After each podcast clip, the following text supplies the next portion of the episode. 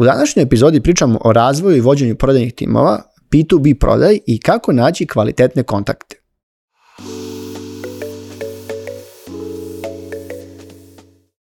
Dobar dan i dobrodošli na novu epizodu Netokracije Office Talksa. Moje ime je Marko, a danas nam je gostima Nađa Komnenić. Nađa, dobrodošla.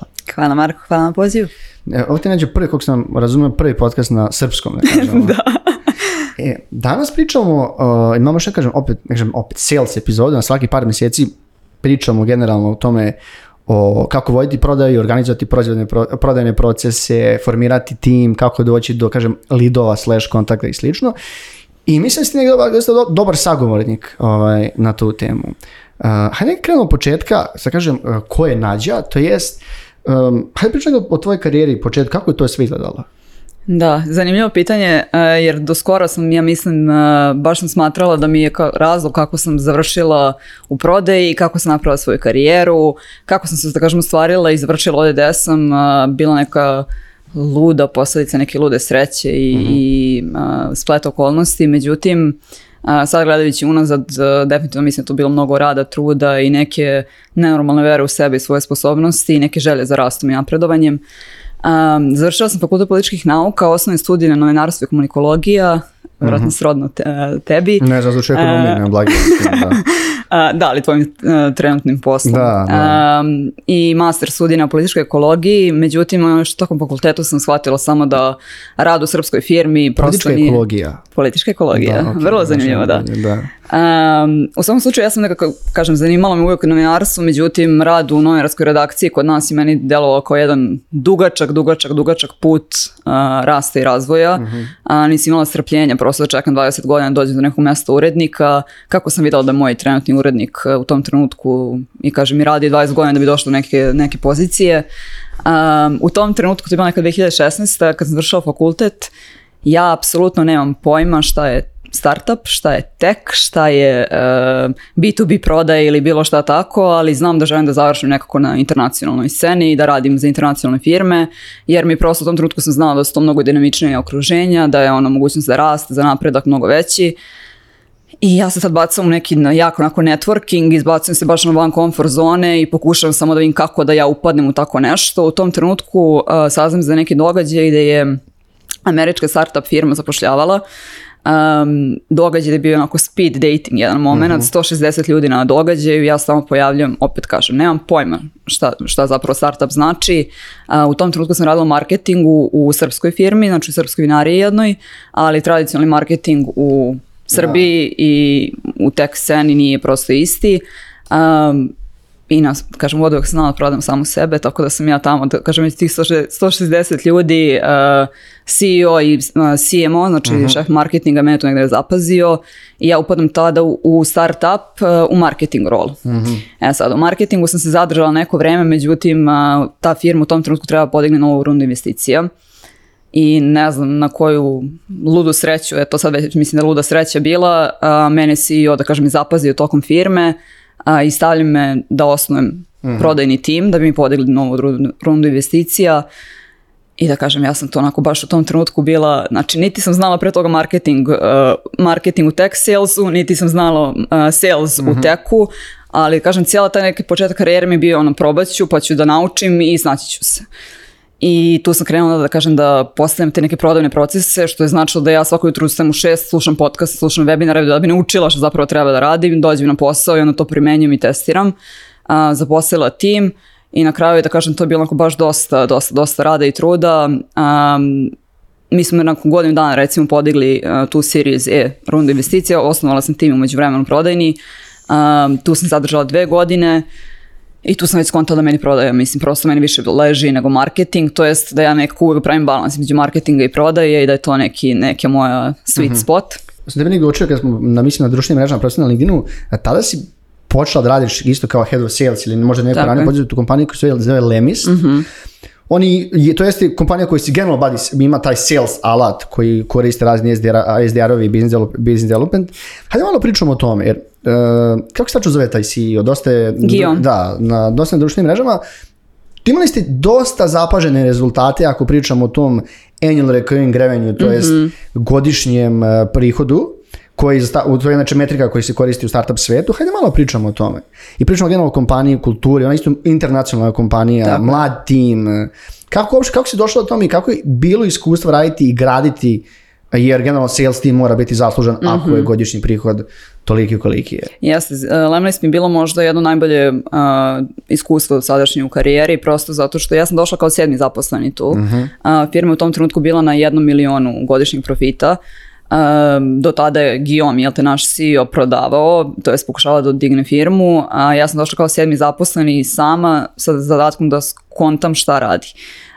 on je dosta bio inovativan i dalje mislim da je to iskustvo koje sam imala sa njim i način kako on vodio firmu, pošto je totalno bilo neuobičajeno i ono outside of the box, um, da smo zato zapravo i uspeli. Jer je ono što je ona nas krenuo da radi, znači osim što sam ja da kažem postavila prodajne procese, uh, krenuli da prodamo i tako dalje, uh, mi smo uočili jednu rupu u tržištu, to je da ljudi zapravo nije problem da njima treba tool, to jest mhm. alat da oni prodaju, nego oni ne znaju kako da prodaju, kako da šalju zapravo te cold mailove, Um, i nama se tu javila neka prilika da ja sve što ja testiram u svom uh, dnevnom radu sa prodajom, uh, da mi to sve javno delimo i da edukujemo zapravo mm, da kažem, našu, našu publiku kako se zapravo prodaje i kako se pišu te cold mailovi i samim tim da onda privučemo pažnju ka našem proizvodu. Uh, to je bilo već sad pre pet godina, u tom trenutku to firme zapravo nisu radile, to se kasnije postala koja je, kažem, običajna praksa i mene onako vrlo brzo stavio kao head of sales, znači ja sam u tom trenutku i zaposlila tim i da kažem postavili smo procese, krenuli da prodajemo, ja sam prodavala isto istovremeno sa njima, stavio poziciju da ja sad treba gradim svoj lični brand na LinkedInu, da pokrenem svoj YouTube kanal, što je bilo onako poprilično van moje komfort zone, jer dolazeći iz Srbije, ja sad ja mislim onako da ja tu sad šta je, ko će mene sluša, ko sam ja, šta sam ja, što bi nekom ono, uzeo moju reč za, za ozbiljno. Um, tako je to bilo poprilično zanimljivo, a sama kultura firme je bila uh, nešto što ja mislim da iskreno neću ni vidjeti nigde više u drugoj firmi, jer je on okupio tim ljudi koji su svi bili užasno, užasno ambiciozni, pametni, sposobni, gladni, gladni rasta, gladni nekog e, učenja, a on sam je ono lead lead by example. mm Znači on je sam postavio kulturu firme i ja sam tad tek uvidjela koliko zapravo kultura dolazi s vrha. Znači da to prosto ne, se ne pravi, da kažem, od dozdo na gore, nego baš obrnuto. Uh, on je stvarno bio čovjek koji je onako bio užasno ambiciozan, pametan, sposoban, inovativan, um, uvek nas je nekako kažem izvlači maksimum iz nas. Um, ja mislim da zbog te činjenice, da kažem, firma toliko uspješno napredovala jer smo mi bili užasno efikasni prosto i znali prosto kako da, kako da radimo stvari drugačije da bi privukli pažnju. Jer kao što si rekao, ti si sam uspio da, da ispratiš naše rezultate, a mislim... E, a koliko je bitno, pomenula si da je on sam vodio prodaju, koliko mhm. je bitno da je jedan CEO, to je taj founder sales lead, koliko je bitno da, da je ono neko ko je osnovao kompaniju stvarno prodavao neko vreme za razumijevanje posle kao i da svog sales tima kasnije. Užasno bitno. Ja mislim da sam imala veliku sreću što je Guillaume istovremeno i dobar prodavac, jer je kad god sam ja dolazila kasnije sa problemima, sa određenim recimo zaključcima zašto nam nešto ne radi ili radi, oni to mogu stvarno da razume.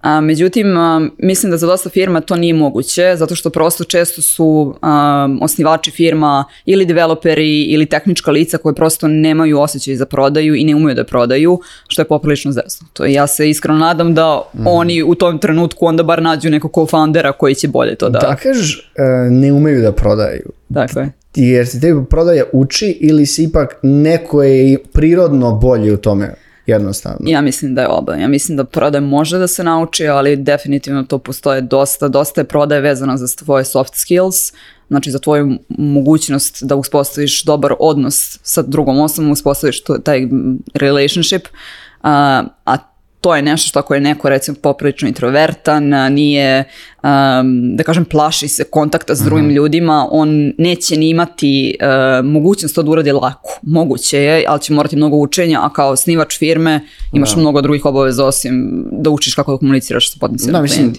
on, i možda imaš skript ispred sebe kad ne i da zoveš i da pro, pišeš mailove ili slično. Sad može chat GPT da ti piše sales mailove. Tako da, e, a, a pomenula si bila sedma. Kako si uopšte zaposliš tako nekom startupu? Jeste oni vidjeli si ti kao ono kao prijaviš se pa ako prođem, prođem? Ne, zapravo je, uh, to je primjer bilo jedna zanimljiva situacija u mojoj karijeri. Ja sam to tadašnjoj firmi, da je prethodnoj firmi bila uh, isto head of sales i vrlo zadovoljna svojim poslom. međutim, bivši menadžer marketinga iz te firme je prešao u tu firmu, mhm. u Lemlist. A, I u momentu kad su oni trebali zaposle prodaj, nekog za prodaju, on je mene preporučio, Guillaume je mene u tom trenutku kontaktirao da imamo razgovor. ja njega odbijem. Mhm. imali smo razgovor, iako je stvarno firma bila u velikom, da kažem, napretku. ja sam ga odbila probitno jer sam bila zadovoljna u trenutnoj firmi. Međutim, dva dana kasnije dobijem otkaz mhm. u postojeći firmi zato što su bili masovni layoffs. A, na 70 dobim otkaz i ja sad onako kao pokunjeno kuće, kuće nazad Gijomu. I tako sam na kraju, da kažem, posle par razgovora i testiranja dobila taj posao i krenula da radim. E sad, kako je, možda je zanimljivije kako je moj marketing menadžer zapravo završio u Lemlistu jer je on isto srbin. on je napisao cold mail. pratio je lepo koje firme su, da kažem, tek Ehm, pošto je to radi u nekom early stage startupu, znači u malom startupu koji tek počinje, koji je profitabilan, ehm, pronašao je Lemlist i stvarno žele tamo da radi, on je njima napisao eh, cold mail, Giomu, predstavio sebe i ponudio svoje usluge čak i besplatno ukoliko je potrebno da se mhm. dokaže prva tri mjeseca. Naravno, Guillaume u tom trenutku nije to želeo, je teo da vredno njegov rad. Um, I imali su, da kažem, probni period nekih, recimo, plaćeni probni period neko vreme i onda krenuo da, da. da radi. Tako da ja mislim da je e, ako neko iz Srbije želi da se zaposli u startupu, ono što je bitno čak i danas, evo ja sad kad bi tražila novi posao, um, redko kad bih e, aplicirala na, sa CV-om i mhm. aplicirala kroz LinkedIn, ja, ja Moj CV Apsolutno. Ja, ja mislim da sve to dolazi kroz networking i što se pre to nekako shvati, koliko god to nekako možda nervira i mu je naporno, to je 80% poslova se tako dobije. A, prosto mislim da je snalažljivost i i strajnost i neku upornost i kreativnost u tome kako nekome priđeš. Da prosto se ti izvojiš u odnosu na 150, 200, 300 kandidata koji apliciraju istovremeno za, mm-hmm. za te firme. E, a gdje si sad? Što trenutno radiš sada? Trenutno isto vodim prodaju, ali u trećoj firmi u mhm. odnosu mm-hmm. na, na prve dve koje smo pominjali. A, zove se Localize. Mm-hmm. A, vodim tim od desetoro ljudi, deset sales ljudi. Tu sam došla pre godinu dana. A čime se kompanija bavi? kompanija je isto B2B sales, ja sam uglavnom bila u B2B ono, software salesu, to je platforma koja omogućava kompanijama da se šire u, druge zemlje tako što imamo omogući platformu gde oni mogu da tu platformu predstave na lokalnom jeziku, znači ako si sad Netflix na primjer, kada uh-huh. plastičnom ono, primjeru prikažem, Netflix je sagledaš na srpskom, platforma cijela je na srpskom, da bi ta platforma bila na srpskom, developeri, marketing, dizajneri su morali da to lokalizuju i mi zapravo nudimo platformu za lokalizaciju. Jedno pitanje generalno, dok je vama si, prešla si u Lemist, ideš dalje, kad je trenutno po tvom, je kao, znaš ono, šta tačno želim da promenim posao? Jel to neko, kada dođeš neki plafon kao ovdje ne mogu više da napredujem, jednostavno kao Znaš, zbog čega to vrlo često ljudi kao, zašto menjaš posao, kao jednostavno ispunio si sve što si mogao da ispuniš na tome nekom poslu.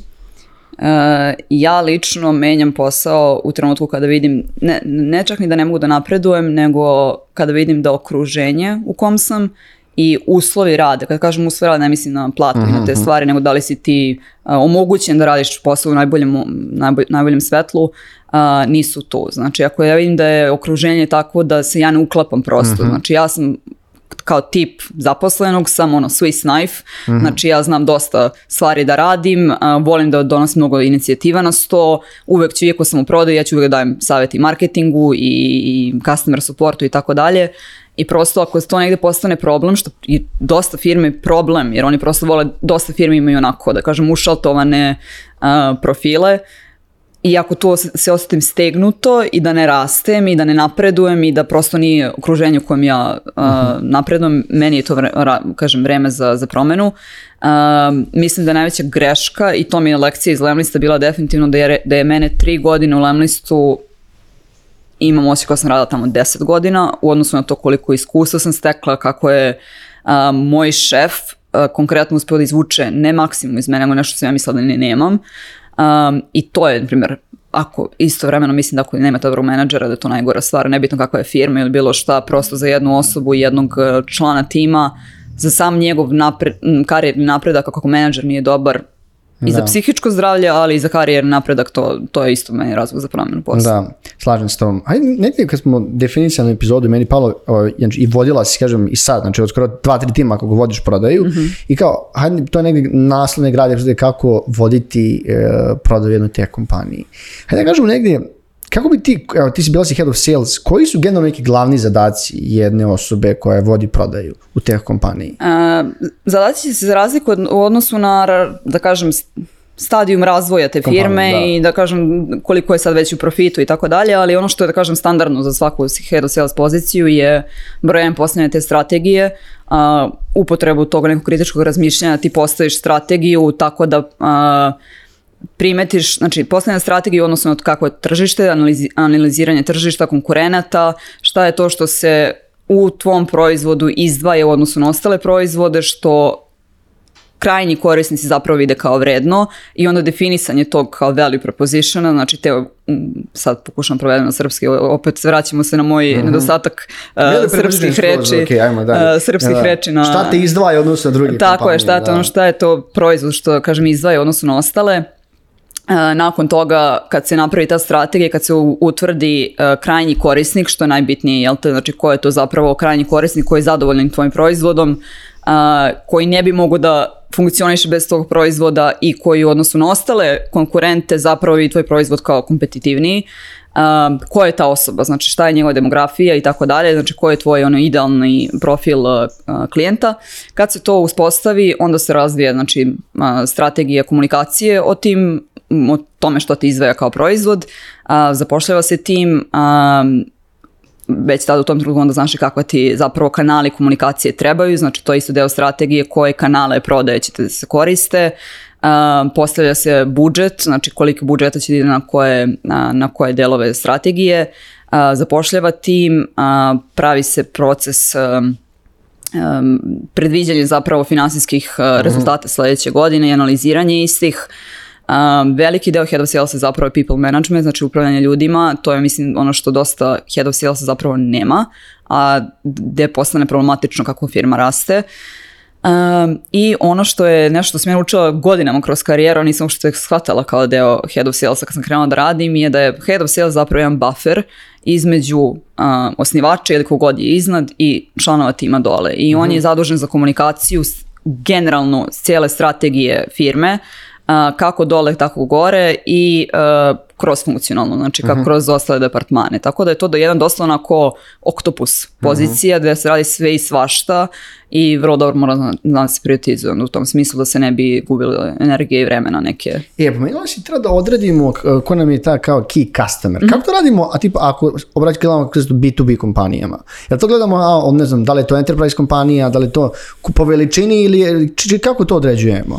E, pa opet zavisi od e, konkretno od firme, ali ono što je najbitnije, ja mislim na kraju dana kako se zapravo određuje zapravo pravi key customer jeste e, ono što smo mi radili u svakoj firmi je da se zapravo analizira cijela baza do sadašnjih mhm. klijenata. Znači kad već kad si izbacio negde proizvod na tržište, kad se tu testira, tu ti dođe sve i svako.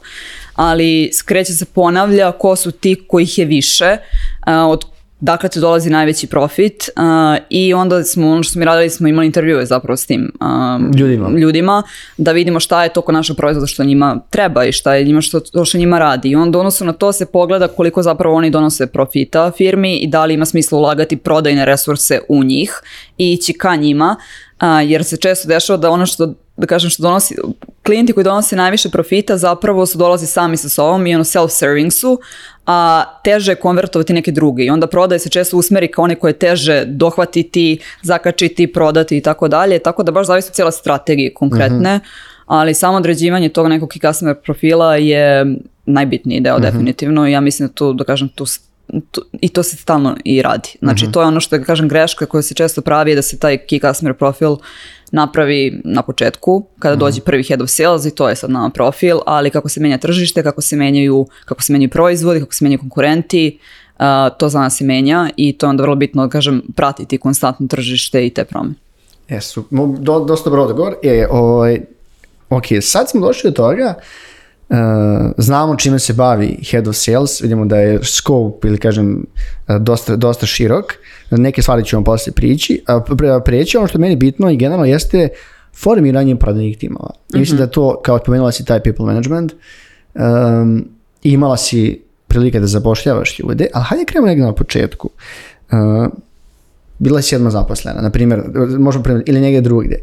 Kad je tom trenutku, ako pričaš sa nekim founderima, imala mm prilike, najbolji trenutak ili trenutak kad baš zapošljamo, kažem, VP of sales, head of sales, da imaš osobu koja je isključio zadatak da radi o procese koje si rekla dole.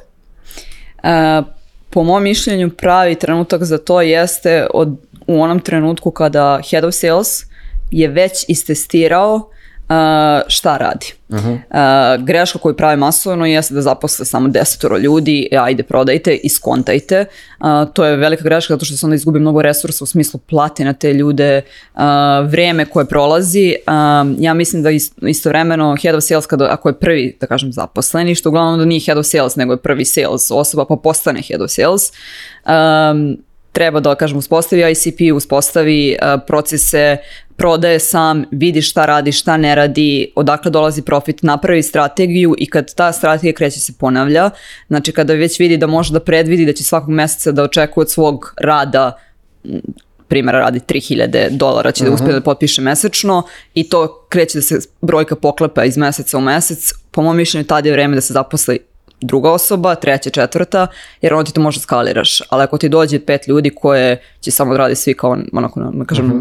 šta, im, šta im dune, a, tu nema predvidljivosti. I to je nekad i super za testiranje ako firma ima mogućnosti za to resursnih. jer se to onda, da kažem, mislim možda bolji proces prosto, ali je dosta riskant, Pogotovo ako imate investitore iza sebe koje čekaju rezultate. E, formirala si tim, zapošljavala si lje. Kako je proces kod tebe? Kako je što šta ih pitaš na intervju, generalno e, zapošljavanju, da li si zapošljavala, koliko, koje se profile si zapošljavala u okviru salesa, postoje razni, ne rade svi isti, isti deo procesa salesa. Tako je, a, mislim to najbitnije što si rekao sada, to je da nisu svi profili isti i za svak, za različite firme trebaju različiti zaposleni. Znači, meni u Lemlistu konkretno su mi trebali ljudi koji će da budu više u, kažem, u samom načinu razmišljanja mindsetu entrepreneurs, znači neki mhm. koji su preduzetnici, koji mogu da dobro e, sklapaju kockice, neko ko je dobar e, u ličnom brandingu, tako, isto vremena, jer smo mi dosta bili fokusirani kao prodajni tim i na to.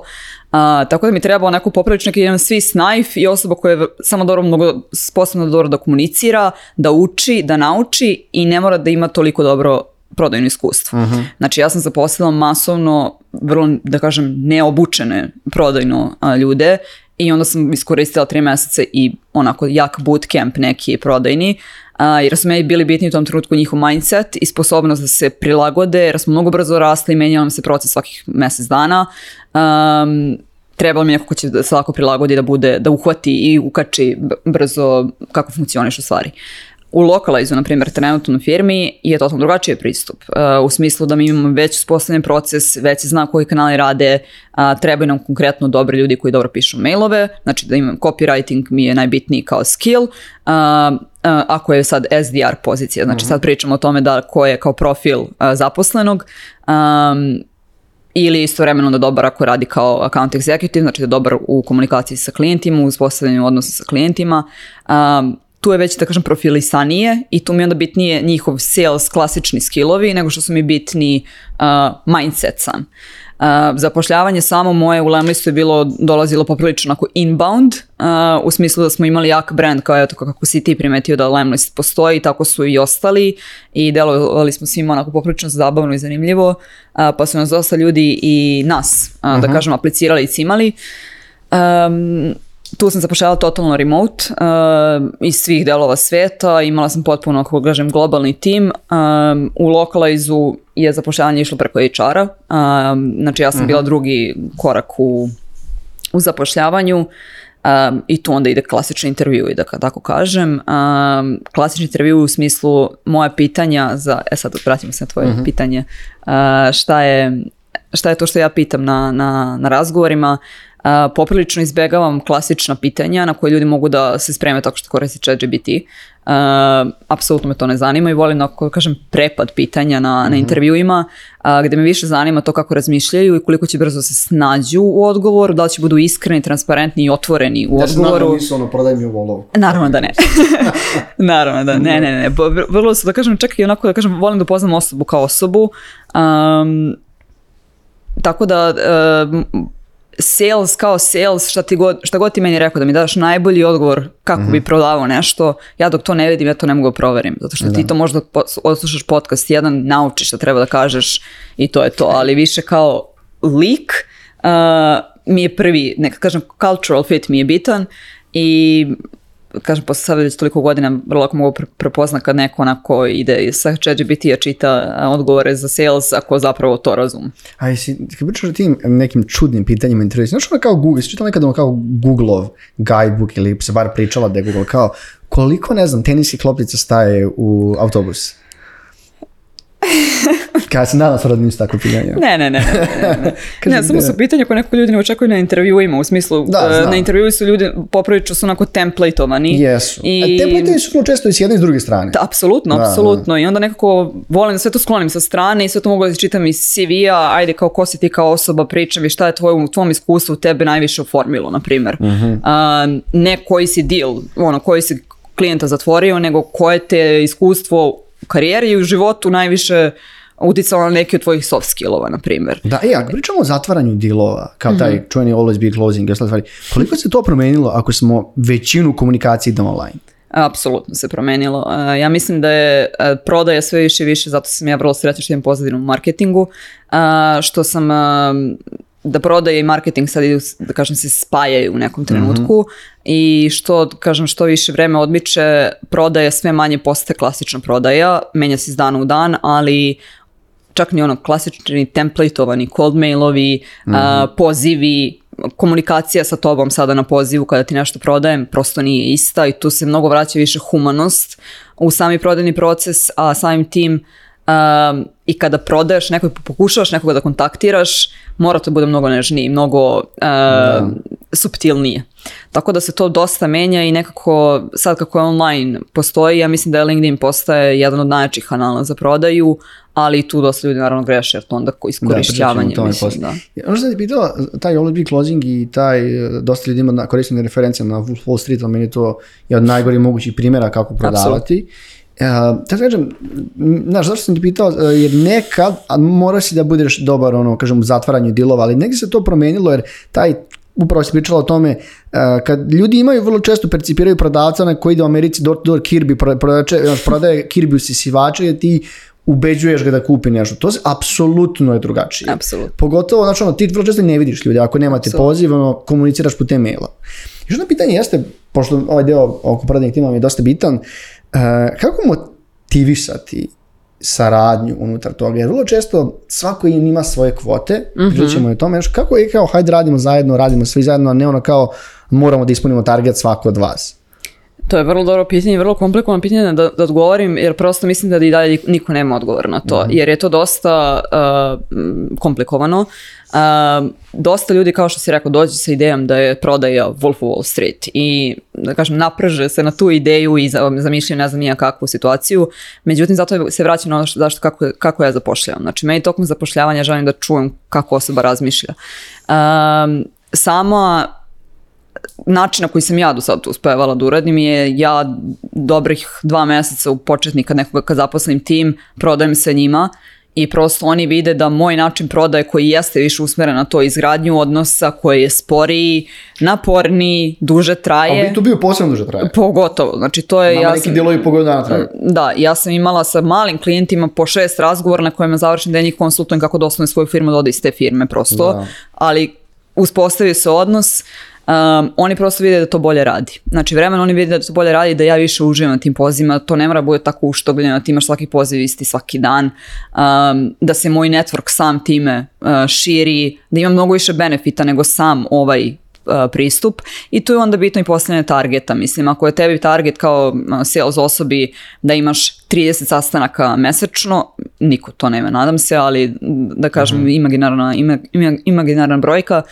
ako ti je veliki target, mm, nemaš ti vremena da razmišljaš o tome kako ćeš ti sada da nekom lepo pišeš, pa da se catch upuješ, pa kako si, pa ovo, pa ono a, nego će samo da ide po, traci i da bukvalno kontaktira, onda ide na volijum, na količinu i to je onda zeznuto. I onda treba se napraviti taj balans i sa targetima i sa tim šta menadžer kao feedback daje članu tima, znači to nije samo e, nisi postigao kvotu, nego e, slušao sam ti ovaj razgovor koji si imao sa klijentom, znaš, mogo se buješ malo više, da ga više sva slušaš, da ga pitaš ovo i ovo, prosto šta se na ti kao menadžer usmeriš i daš kao negativnu kritiku, to je ono što će oni pamte kao mhm. nešto na čemu treba da rade. Tako da ja mislim da to baš miks raznih stvari. Nemam savršen odgovor na ovaj, jer mislim da ga niko nema.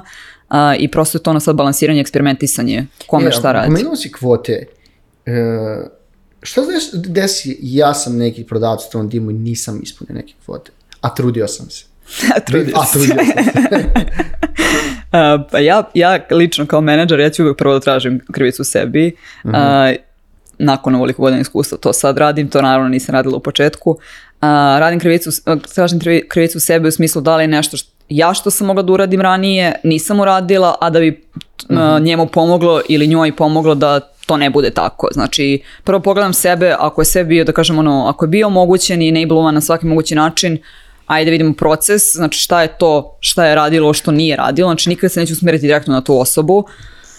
I na kraju dana, ako stvarno ne postoji razlog nego je samo ono bad luck jer se mhm. to dešava u prodaji to je ono što ja mislim da, da, menadžeri prosto ne trpe a moraju da trpe da to neka stvarno može bude bad luck ako je taj mjesec prosto samo tako bio loš ništa se neće desiti imat ćemo razgovor i uspostavit ćemo da kažem proces kako da to popravimo sljedeći mjesec mhm.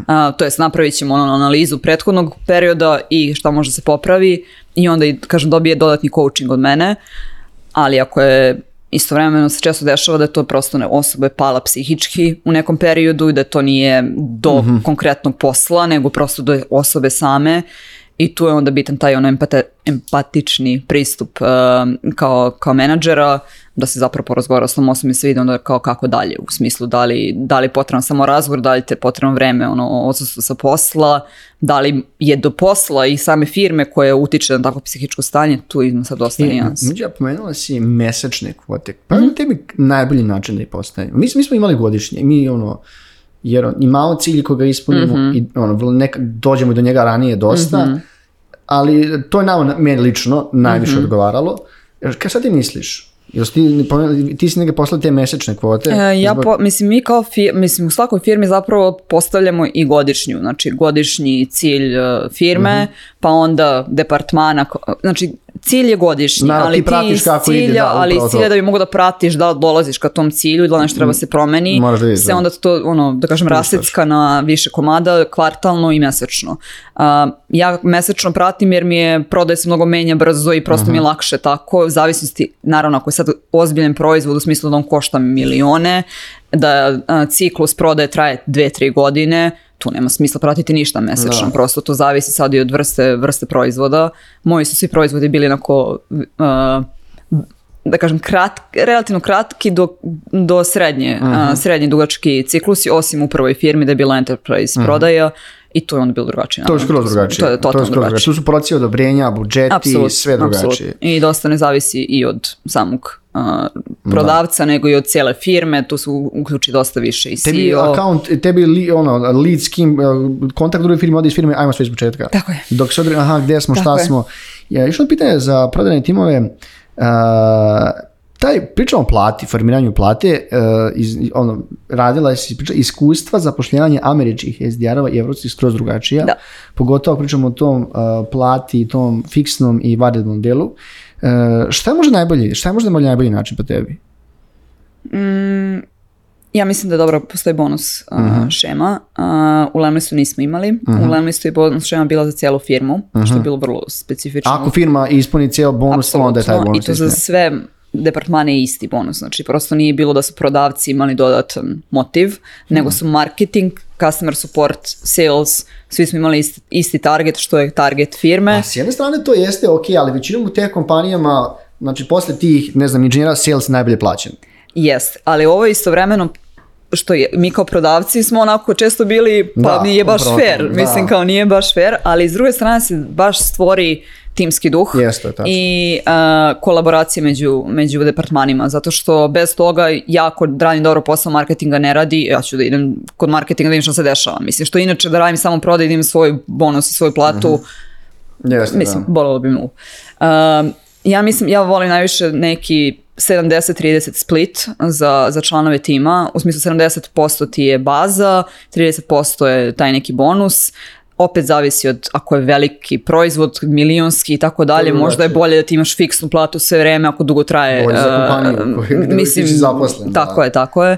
Um, tako da baš ta šema baš zavisi, ali kao menadžer, kao menadžer ja više volim kad postoji bonus šema, zato da možeš da uh, Pa to je stimulacija zaposlena motivacija, upravo tako. Tako je, tako je. Ovako si ako baš moraš baš kreativan. Da, i drugog, e, prvog bitnog dijela našeg razgovora, drugi jesu ti prikupljanje lidova, koji je vratno najbitnijih kontakata, kako god najbitniji opisanog prodavca, kako doći do kvalitetnih lidova jer ja sam uvijek bio e, e, Ako pričamo o domaćem tržištu prodaješ, ti vrlo, ja lako mogu da nađem do bilo koga u Srbiji. Mhm.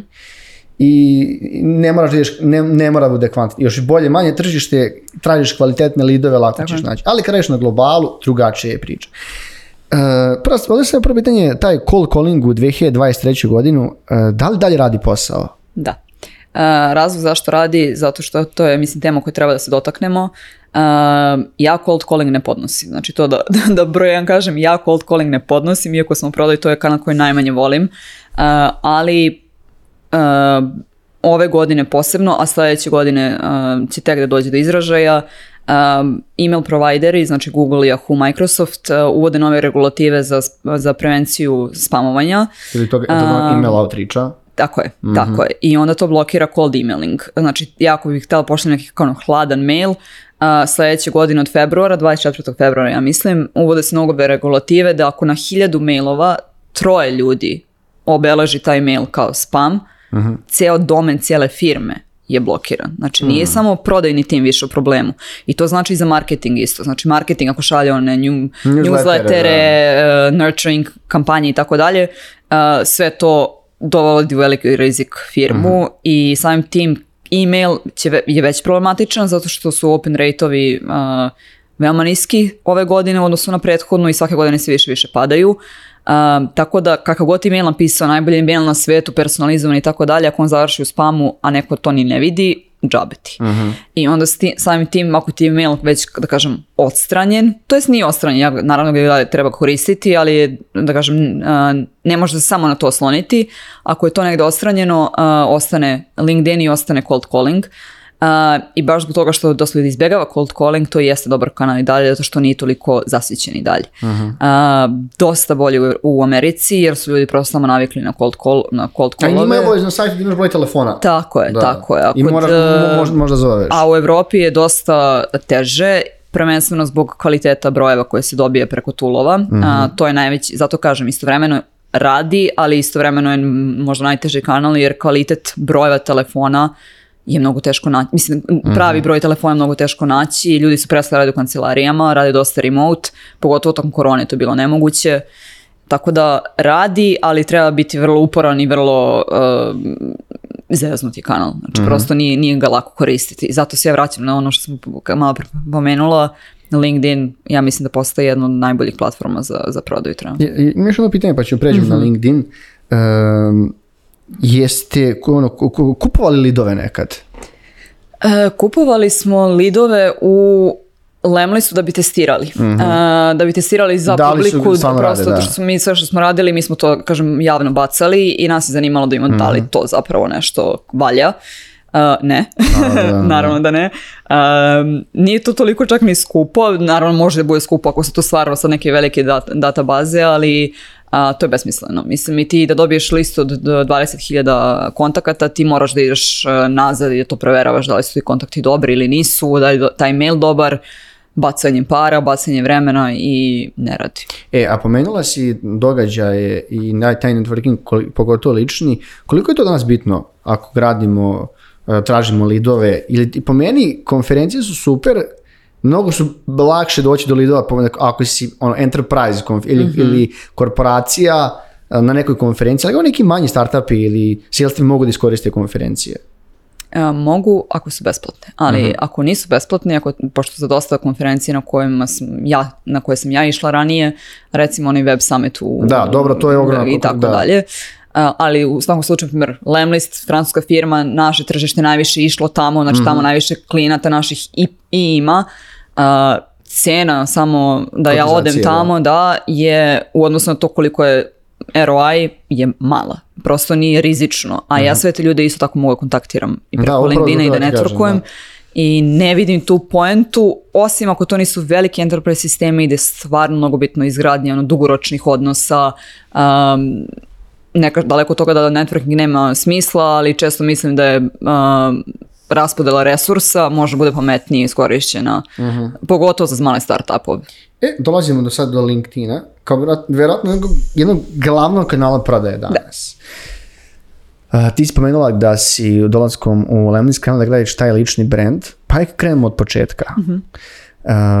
šta radi na LinkedInu, kako ga koristiti, koliko, kakav sadržaj kreirati, koliko je u stvari bitno i koliko e, kakav taj sadržaj treba da bude, a ne vrlo često je generički. Mhm. na šta da nas izdvoji na toj mreži? Uh, ok, dosta pitanja, moram samo krenuti od početka. E, ja sam počela da gradim LinkedIn pre nekih tri, godine, recimo. Mhm. Imala sam šestu konekciju, mislim, ono, totalno za fakulteta, nemam, nemam ništa na LinkedInu. Uh, radim u Lemlistu, naravno moj šef u tom trenutku hoće da, da postanem aktivna i krenula sam da pišem što god mi palo na pamet, u smislu različite formate. sve to bilo vezano za prodaju naravno, ali da kažem različiti formati da ja vidim šta tu zapravo radi, jer prosto stvarno nisam imala ideju kako funkcioniš stvari na LinkedInu. I vremenom ono što sam, da kažem, ja sam stvarno uspela da pronađem taj neki svoj glas, kao svoj voice, svoj stil pisanja. I ono što radi definitivno je da čovjek bude što je moguće više autentičan, znači sve dok on želi da napravi, da mu to zazvuči, ako ima ideju kako to želi da zvuči nekome i da neko to tako pročita, to nije autentično. E, nego šta je to što zapravo ti stvarno misliš, šta je ono što tebe zapravo zanima u toj priči i koja je to poruka koju ti želiš da ostaviš. Uh, greška koju ja vidim što ti kažeš generički poslovi, ako ja vidim post i ako nastavim da scrollam, a da ja iz tog pošta ništa nisam naučilo, niti me natralo da razmislim, niti da se zapitam, niti da naučim konkretnu informaciju, taj post je besmislen uh mhm. i bespotreban. to može bude često motivacija, ima dosta motivacijnih postova i to je ok, ali e, treba da bude nešto što tebi ostavi utisak kao čitaocu da sam ja nešto od toga dobila što sam pročitala. A često ljudi, kažem, promovišu samo svoje proizvode, svoje uspehe, svoje ne znam ja šta, a, da tu nema stvarno neke pozadinske priče za toga, da ja nešto zapamtim iz toga. Tako da je to usmjerenost zapravo na a, čitaoca najbitnije u, u, u cijeloj priči. A, strukturiranje samog teksta također mora bude tako da on može se ali ono što ja vidim često i što ja prosto takvi ljudi više ni ne pratim jeste onako da kažem palamuđenje u smislu mhm pretvaranje da su prosto nešto nisu nekako, kažem, nema tog normalnog, normalnog govora, nego korišćenje kao da čitam enciklopediju mhm. ili kao da čitam, kao si imaju 50 godina iskustva, a nemaju. Prosto pre bih pročitala nekoga koji tek krenuo da radi, na primjer, u prodaji, ali napisao iskren post o tome kako njegovo iskustvo izgleda, nego nekoga od 50 godina iskustva koji samo piše da bi napisao da, nešto. Što, što, to što meni smeta su većinom saveti i da. pomenjala, e, lepo što je rekla, ja ne vidim nikakav problem to ili ne vidim nešto iskreno, a svi imamo milijardu stvari koje se dešavaju, mhm. koji su negativni, kako kaže, prepreke na putu poslovno. Ali većina vidi ono kao mi smo radili ovo, mi smo radili ovo i to vrlo često zamara i ne daje mi nikakvu Tako vrijednost. I, ima imam oči da su svi bili kao, e moraš nešto da pisao na LinkedInu i da samo pišeš da bi morao. Tako a pomenuo si taj lični brand, koliko je lični brand bitan kao nekom ko vodi prodaju u jednoj kompaniji na LinkedIn, da bude taj autoritet u industriji prvenstveno, da ti LinkedIn budeš u svojoj industriji autoritet. Ne da svi ljudi, ono, ne zanima me što neko drugi generalno misli o meni. Tako je. Meni je lični brand uh, najbitnija stvar koju sam ja do sada u svojoj karijeri u odnosu na mhm. sve uspehe, uključujući Lemlis, jel te, to kad smo došli od mi smo zapravo u Lemlistu od jednog miliona do, do 14 miliona uh, u profitu došli za tri godine što sam ja bila tamo. Um, koliko je bio sales tim, izvini? Koliko vas je bilo u prodajnom timu? Da e, naj, kad, kad, nas, kad smo bili najveći, da, u piku nas je bilo desetor. Da, to je vrlo malo, mislim da, da kažem. Da. da. Um, Zaboravno. Krenuli smo pričom o ličnom brendu i kako ti to pomoglo e, jest, da izgradi da, da za sve. Uh, u odnosu na sve što sam da kažem do sad uradila, meni je lični brend najbitniji bio. Uh, broj jedan taj moment koliko se onda prošli neki vidici u smislu mogućnosti, meni je ovo 73. podcast, ja mislim na koji idem i taj moment networkinga koji se uh, dobije iz toga. Prvi u Srbiji, da. apsolutno. Uh, čestitam.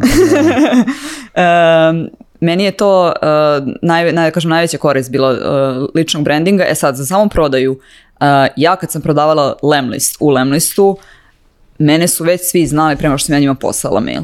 I pre nego što im pošaljem LinkedIn poruku i pre nego što im pošaljem mail ili ih pozovem na telefon, oni su već negde vidjeli moj post kako sam ja dala savjet o tome kako da se formatira, na primjer, cold email ili kako da se, ili smo vidjeli na nekom podcastu, znaju moje ime, čuli smo, znaju da imam iskustva i dobijem neki kredibilitet da zapravo znam o tome što o čemu pričam i da ako budu imali razgovor sa mnom mogu dobiti korisne informacije. Ja nikad nisam zvala ljude na poziv da njima prodam ovako Lemlist kao najbolji tool, nego ajde vidimo kako mi izgleda proces i da vidimo šta radite, kako radite, da li ima smisla koristiti Lemlist ili ne. I moje prodaje zapravo je bilo konsultovanje na temu prodaje dobrih 45 mhm. minuta. Um, I uvijek sam zato uspjela da zatvorim, u većini slučajeva zatvorim te klijente.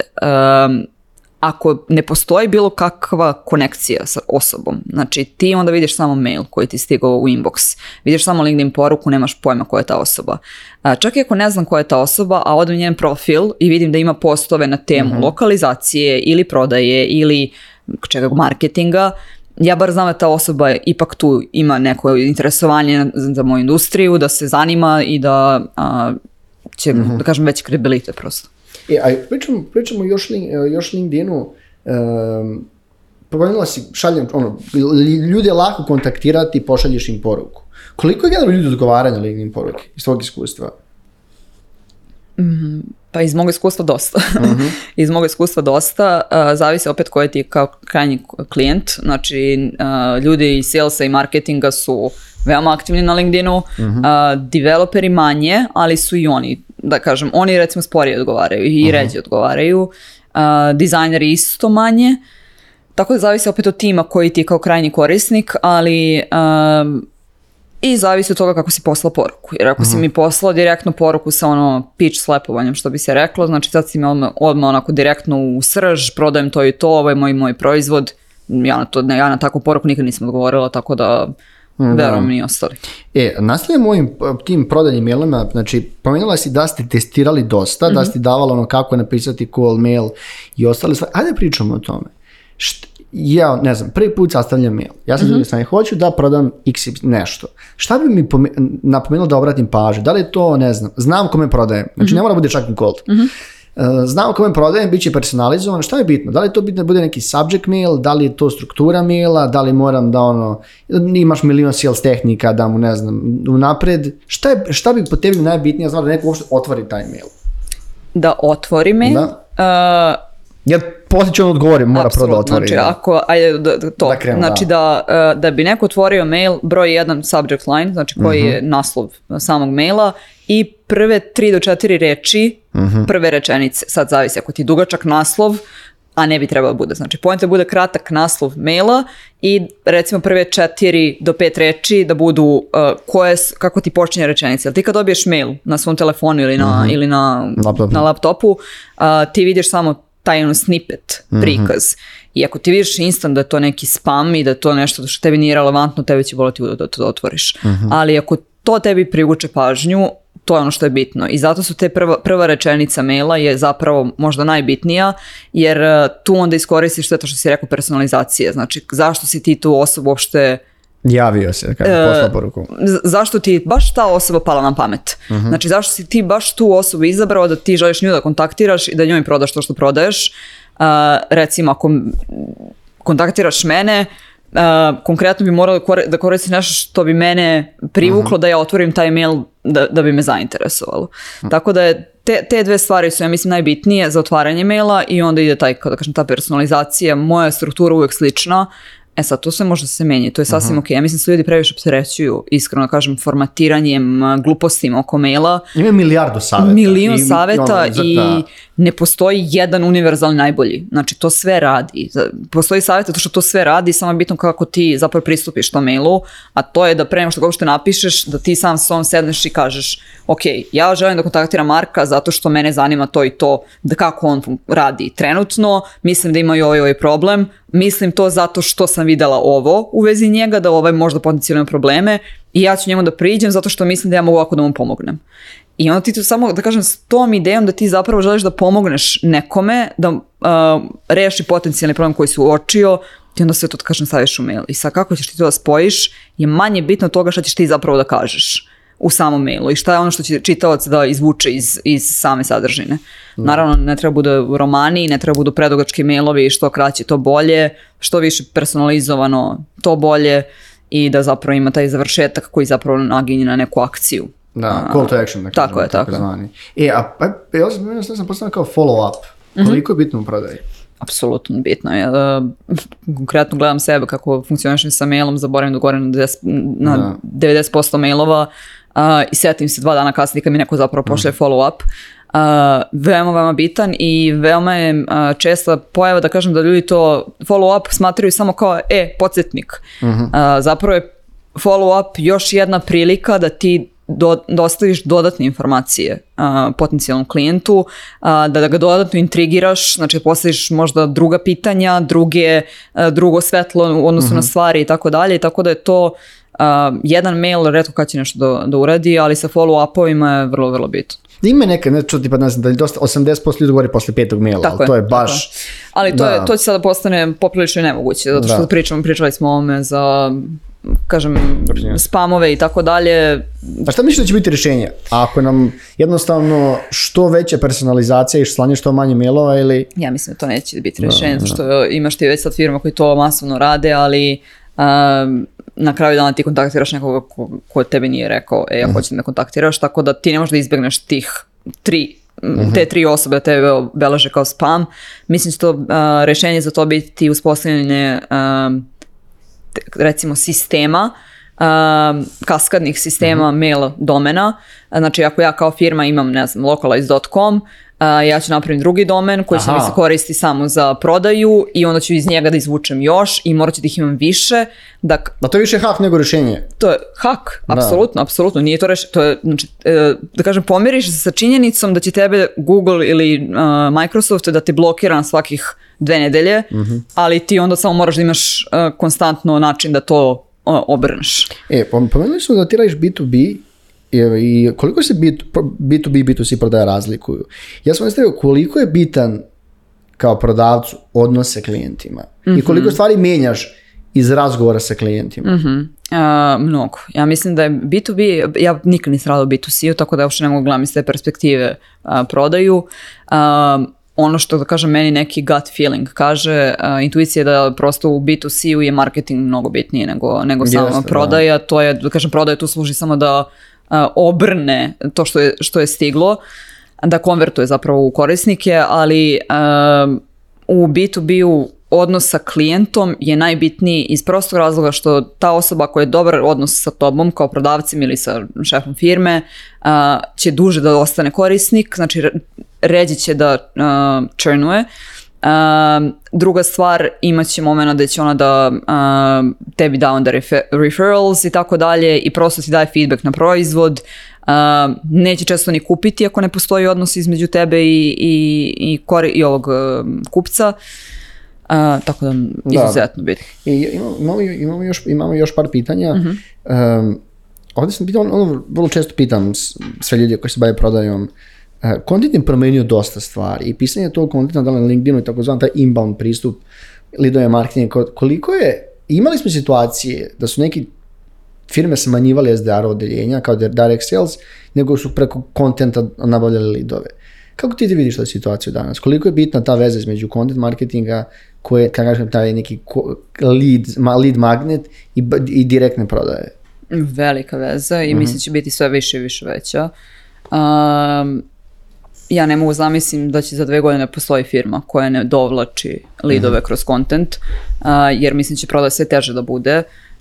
veliko je znak pitanja kako će prodaj da izgleda u narednom periodu, ali mislim da treba postoji balans, prosto za neke ne, ako je product led growth, znači ako mhm. firma raste samo kroz svoj proizvod, to mi je sasvim ok, onda da to bude usmjereno na content, da sales team bude usmjereno na content, ili da ne postoji čak i sjel s tim, ali u ostalim slučajevima ja i dalje mislim da tu jeste, postoji ti kontent, ali ti sa recimo svojim kontentom i svojim podcastom, na primjer, mm privučeš 100.000 ljudi, od 100.000 ljudi neko, ti moraš da probereš ko su ti zapravo ljudi koji će tebi budu klijenti i da njih dodatno čačneš i pomogneš da bi oni zapravo postali korisnici. Ovako samo privlačiš, ali zapravo taj moment e, konverzije ne postoji. I to je onda zeznuto. Mislim, prosto mora da postoji jedno i drugo.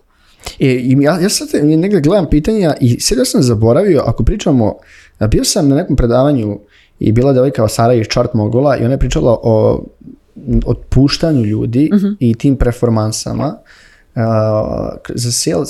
Koje metri gledamo u ocjeni performansi sales timova? Da li su to samo zatvorene kvote ili ima još nešto ako, te, ako imamo se prilike da vodiš sales timove? Mhm.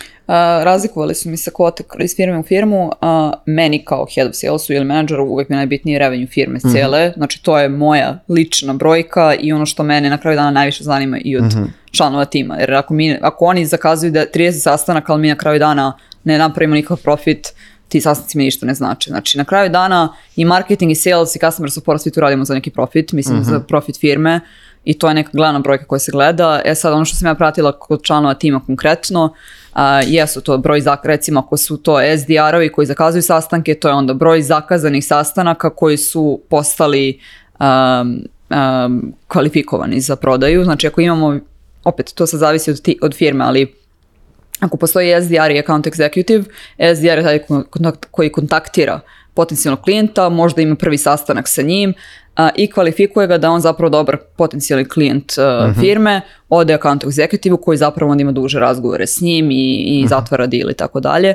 Za SDR-a bi ko, target, to jest e, metrika bila broj zakazanih sastanaka kvalifikovanih, a za account executive bi bilo zatvorenih mhm. sastanaka na kraju dana sve su to brojke koje samo prate neki performans, ali opet kažem MRR ili uh, revenue je na kraju dana.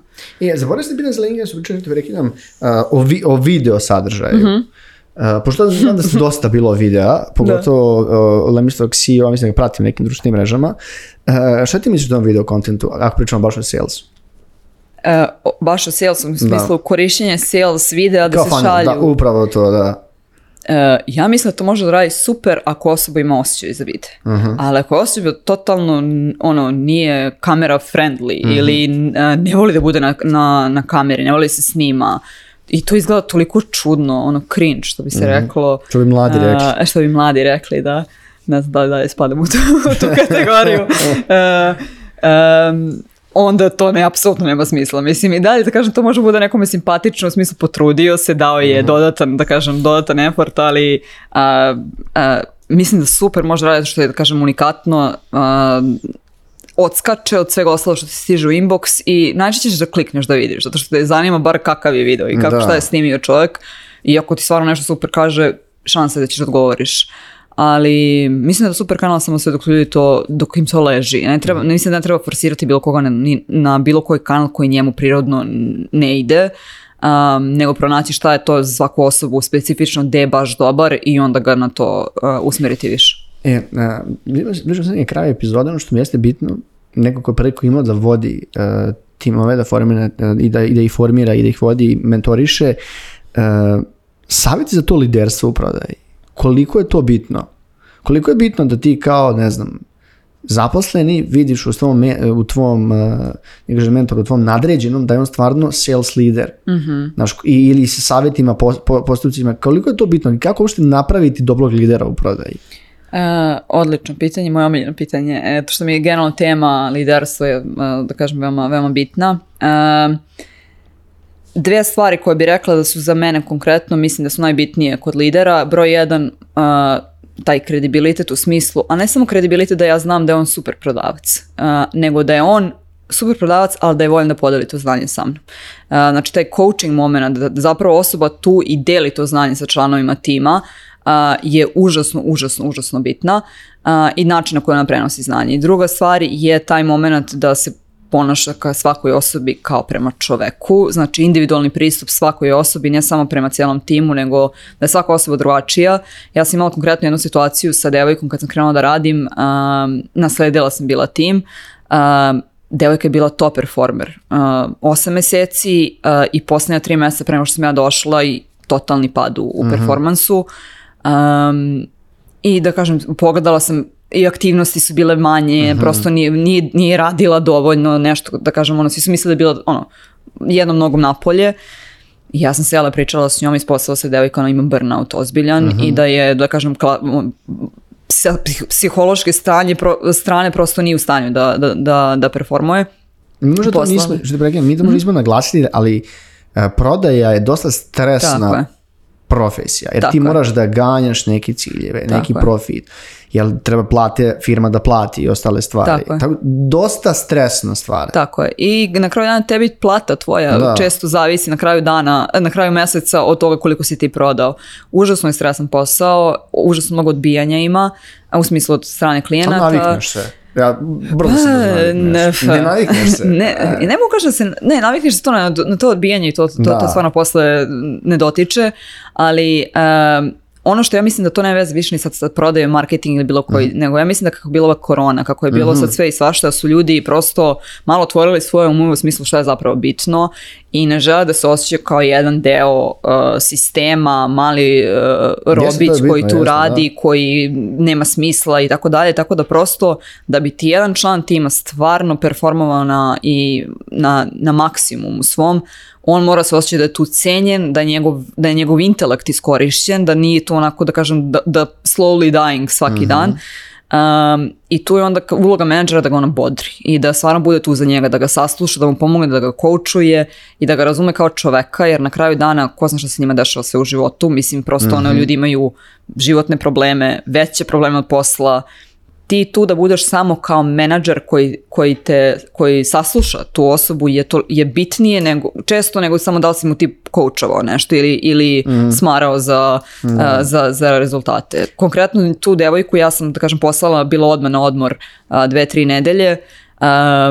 naravno to za burnout nije dovoljno, ali ajde napravili smo se sistem za terapeuta i tako dalje ona kad se vratila, polako smo, kažem, napravili targete manje, niže i tako dalje, da se to, povećava vremenom i vratila se da bude top mhm. performer. Pričam kad je ona odlazila iz firme, sam dobila pismo celo o tome koliko njoj značilo samo da nju neko sasluša u tom trenutku, jer je ona E, i to ne samo na poslovnom smislu, nego generalno životno je treba neko da sedne i da sasluša. Da, ono što ti mislim promenila te pristup prema poslu, mislim da se to generacijski baš menja. Dakle. Ako pogledaš za naše e, bake i deke, roditelje nas e, i ljude još koji kreću sada da ulaze, kažem, tu generaciju Z i milenijalce, ipak vidiš taj zaokret u poslu mentalitetu koju su imali generacije mm nas. Kao, nije posao sve. Tako je. Samo deo tvog života. Tako je. To je dosta bitno da on ukap, ukapiramo svi tako Je, tako je. I kao lider ja, ja razumem, kao menadžer ja razumem jer je moj target zavisi od targeta mog tima.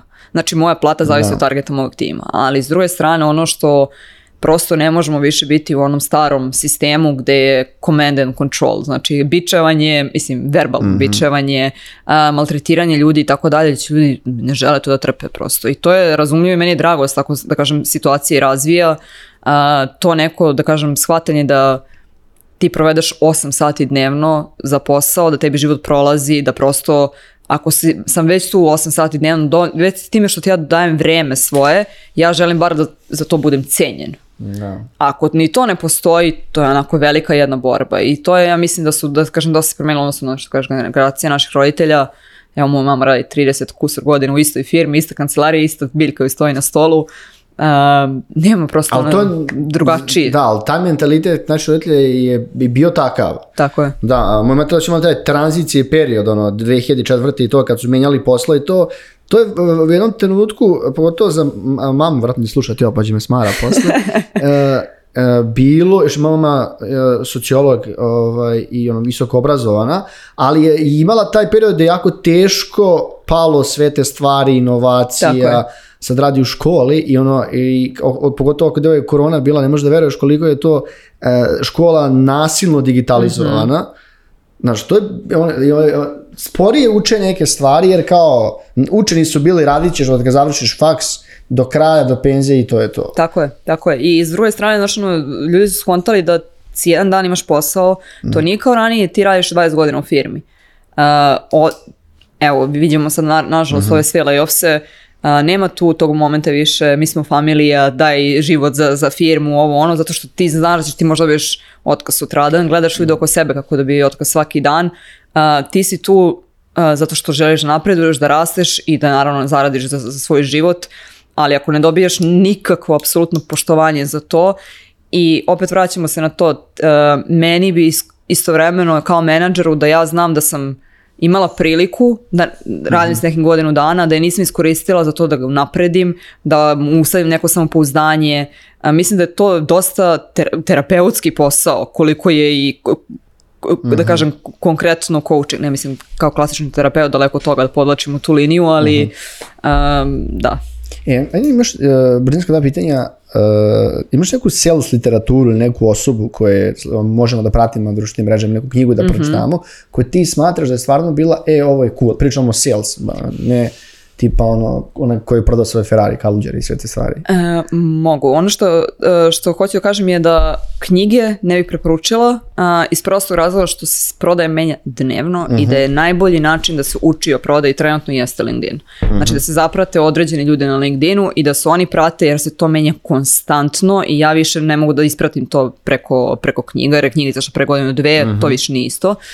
Um, ima dosta ljudi koji se, koji pišu o salesu prosto na LinkedInu. Um, osoba od koje sam ja, na primjer, naučila dosta cold emailing, mhm. jel te jeste Guillaume istovremeno iz Lemlista, ali back Beck Holland, mhm. ne slažem se potpuno sa s njenim pristupom. pristupom. Apsolutno, ne sam se zapravo ni sa jednim od svih koji mhm. gledam, ali sam pokupila dosta dobrih informacija i, i strukturno sam skontala kako se pišu mailovi.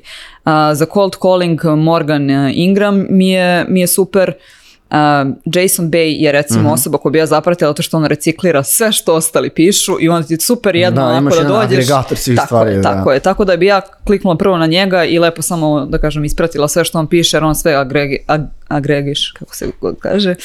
Um, tako da... Mislim da je dovoljno. Da. I, e, i na kraju, koji su neki tvoji lični planovi za narednu godinu? Moje lični planovi dugoročno, za, da kažem, mhm. za sljedeću godinu ne mogu još da kažem da li ću to stignem, ali moj neki plan jeste da u jednom trenutku prestanem da budem full time zaposlen u, mm firmi, zato što radim koliko bi radila za sobstvenu firmu. već sam krenula radim konsultacije za odvojen od posla, znači za, gotovo za market i prodaju, tako da neki taj konsultantski posao nešto već radim ali dugoročno želim, recimo sljedeće godine mi cilj da, post, da pokrenem podcast na mhm. engleskom, tako da neću da budem konkurencija, ne brini se. Ne brini se. A i ne, teško da bi da. bila. Uh, podcast bi iskreno želim pokrenem ne kao karijerni cilj, nego nešto kao meni, kao strast prosto. To je ekstra. Ljudi, ono, ja, ja, ja podržam takve stvari, newsletter, podcast, šta god, da. jer taj glas tako. je mnogo bitan. Tako. A i i još jedna bitna stvar, e, Srbi vole da imaju svoj medij, tako da neki ljudi u Srbiji imaju mnogo medija, ali nećemo o tome u ovom podcastu.